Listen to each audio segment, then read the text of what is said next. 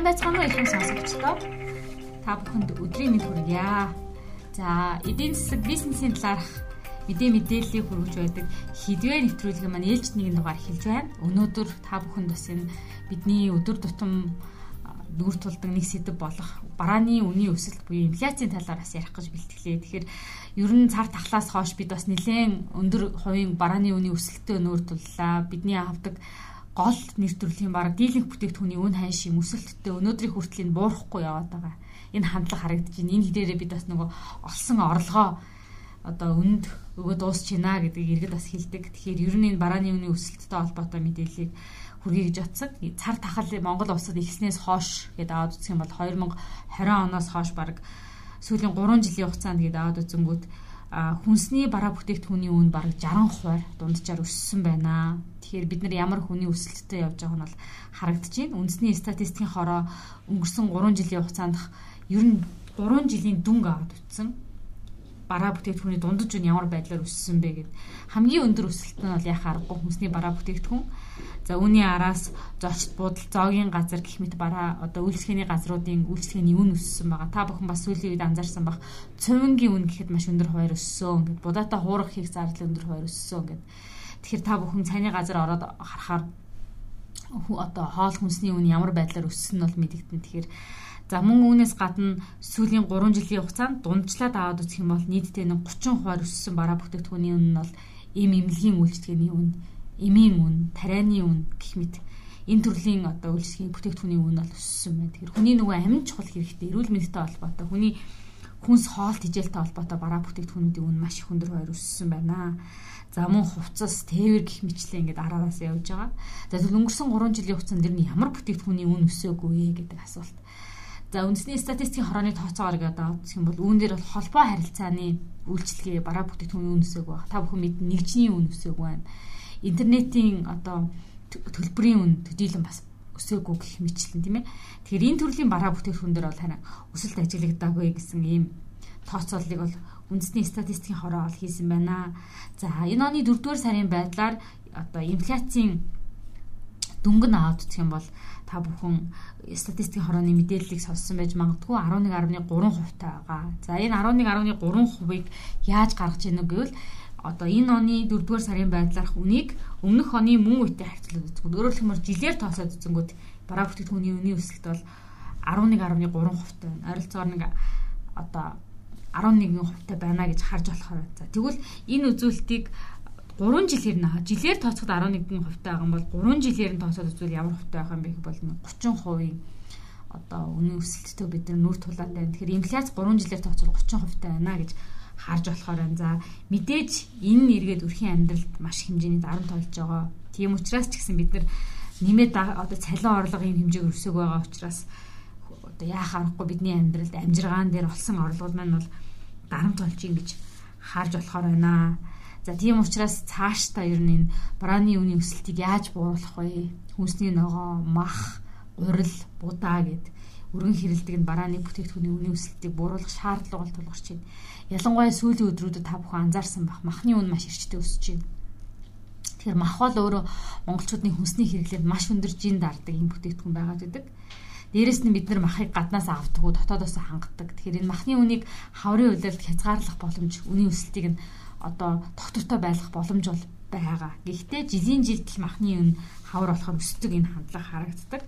Үхрийн мах гэхэд бараг 20 мянган төгрөгийг одоо даваад байна. Үхрийн цул мах. Тэгэхээр энийг бууруулах шаардлага байна. Махны үнийн өсөлт нь эргээд инфляц гэдэг зүйл дээр маш их том дарамт болж инфляцийн төвшин эргээд өсөх хандлага одоо бий болоход гол нөлөө үзүүлж байна гэсэн ийм ийм одоо мэдээллүүдийг ийм ийм үзүүлэлтийг бол бас үндэсний статистикийн хороо бол мэдээж танилцуулж байсан.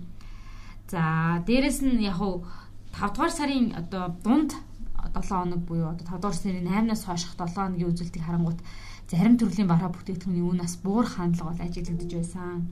Тухайлх юм бол өндөг урамлын тос гэх мэт юм бараа бүтээгдэхүүн дэр бол бууралд ажиглагдж байгаа. За харьцангуй гурилны үн за мөн саах эсэн чихэр будаа гэх мэт бараа бүтээгдэхүүний үн бол харин тогтвортой байхын хандлага харагдаж байна. За мэдээж огцон өсөжсэн үетэйгээ харьцуулахад бол бас инфляц саар хандлага ажиглагдаж байгаа боловч одоо инфляцийн түвшин бараа бүтээгдэхүүний түвшин буурахгүй байгаа үү те. Ер нь бол тогтвортой ингээд хавтлагдаад байгаа. Тэгэхээр нэг талаас хил гайл нэгдэжээд байгаа. За мөн одоо валютын ханш доктортой байгаа. Нөгөө өмнө нь бараа бүтээгдэхүүний үн өсгөд нөлөөлж байсан тээвэрлтийн асуудлууд шийдэгдээ тээврийн зардал буурч байгаа юмнуудаас иргэдийн хувьд бараа бүтээгдэхүүний үн ханш буурах болов гэсэн юм хүлээлт бол байна. За хавар бол мэдээж ер нь монголчуудын хувьд бас ингээд яах аргагүй одоо хүнсний нийлүүлэлт төмс хүнсний ногооч гэдэг юм уу мах гэдэг ч юм уу энэ төрлийн бараа бүтээгдэхүүн дээр бас ингээд нийлүүлэлт багасдаг учраас үн өсөх хандлага байдаг. Цаашид ер нь одоо энэ зуны сарууд 7 дугаар сар, 8 дугаар сар, 9 дугаар сар гэд бараа бүтээгдэхүүний үн ханш буурах болов гэсэн ийм хүлээлт бол байна. Өссөн юм чинь эргээд бас буурах энэ зах зээлийн одоо чих хандлага, энэ зах зээлийн ерөнхий байдал бас Монгол улсад үйлчлэх хүлээлт бол иргэдийн дунд үйлчлээсэй гэсэн юм найдлага бол байна. Тэгэхээр энэ дээр бас холбогдох байгууллагууд ч гэсэн өөр өөрийн дүгнэлтээ хийх болов тийм ээ шудраг хурцлын хэвлэгчийн төлөө газар гэж байдаг. Энэ газрууд бас хийх баха гэсэн ийм хүлээлтүүд бол байна. За ерөнхий том утгаар наваад үсэх юм бол яа харахгүй Монгол улсад инфляц бол саарч байгаа. Тэгэхээр 2022 оны 6 дугаар сард Монгол улсад инфляцийн түвшин бараг 17% төгсчихсөн. 19 сар нь 16.9% таа байсан. Тэр үетэй харьцуулаад үзэнгүүт 11% гэдэг бол саарах хандлага байгаа боловч энэ саарч байгаа энэ нөхцөл байдал бол удаан байна. Одоо хүртэл ингээд хоёр оронтой тоо 11% дээр хадгалагдсан хэвээр байна. Энийг бууруулах одоо юм шаардлага бол байна. За төв банкны хувьд гэх юм бол инфляцийн түвшин ерөнхийдөө энэ онд багтаад 10%-аас доош нь буюу нэг оронтой тоонд хүрнэ гэсэн ийм мэдээллүүдийг бол хийжсэн 2023 онд багтаад.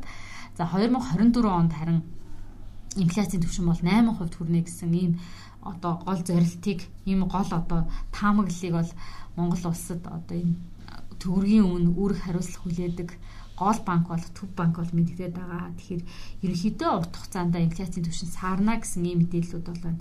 За дэлхийн улс орнуудад ер нь энэ бараа бүтээгдэхүүний үн ханш ямар байгаа юм бэ гэх юм бол яах аргагүй бас юм юу цар тахлын өсөлттэй холбоотойгоор бүх улсууд ятд гих мэт зарим улсыг их тооцох юм бол дийлэнх дэлхийн дийлэнх улс Турк Америкийн нэгдсэн улс, Европ гэх мэт улсууд бол бүгдээрээ бараа бүтээгдэхүүний үнийн өсөлтөд нүүр тулсан. Одоо эргээд энэ улсууд бас ингээд инфляцаа бууруулах гэж бүгд ажиллаж байгаа. Бүгд одоо бодол торхоолагч зорж байгаа. Гэхдээ инфляцаас амархан буурчдах юм байна гэдэг нь бол зөвхөн Монгол төдийгүй дэлхийн бусад орнуудаас ч гэсэн харагдаж байна.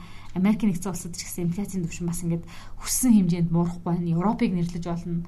Бас хангалттай түвшинд буурахгүй байна. Гэхдээ яах аргагүй инфляцийг бууруулахаар ажиллаж байгаа, буурч байгаа. Тэгэхээр энэ хандлага ч гэсэн Монгол улсад ажиллагдаж байна. Америкийн нэгдсэн улсад ихэд бол инфляцийн түвшин 9%-аас 5 руу бас ингээд буурч байгаа.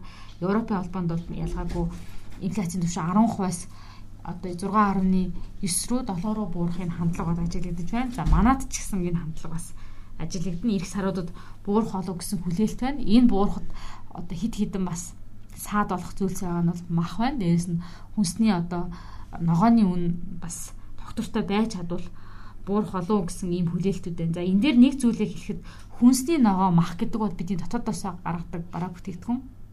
Тэгэхээр энэний нийлүүлэлтийг доктортой байлгаж чадах юм бол хавар олонгууд л өсдөг энэ хандлагыг бол бууруулах бол боломж байгаа. Тэгэхээр энэ махны болоод энэ хүнсний нийлүүлэлтийн гинжин хэлхээ энэ нийлүүлэлтийн системийг одоо шинжлэх ийм бас яах аргагүй шаардлага байна. Энэ бол одоо салбарын яамны хийх ажил, салбарын бизнес эрхлэгчдийн хийх ажил энд бас их чухал байгаа шүү гэсэн ийм ийм таамаглууд бол явж байна. Тэгэхээр үзэгч та бүхэндээс бид энэ бараа бүтээгдэхүүн юу нөөцөлтэй холбоотой мэдээллийг хүргэлээ. Та бүхэн бас анзаарсан бах. Ер нь бол дунд хугацаанд за айрын одоо энэ сарууд биш юм аа гэх дунд хугацаанд бол бараа бүтээгдэхүүний үн ханш буурна гэсэн энэ хүлээлт бол одоо давмгаалж байна гэж харж болохоор байна. Хамт байсан баярлалаа сонсогчдоо.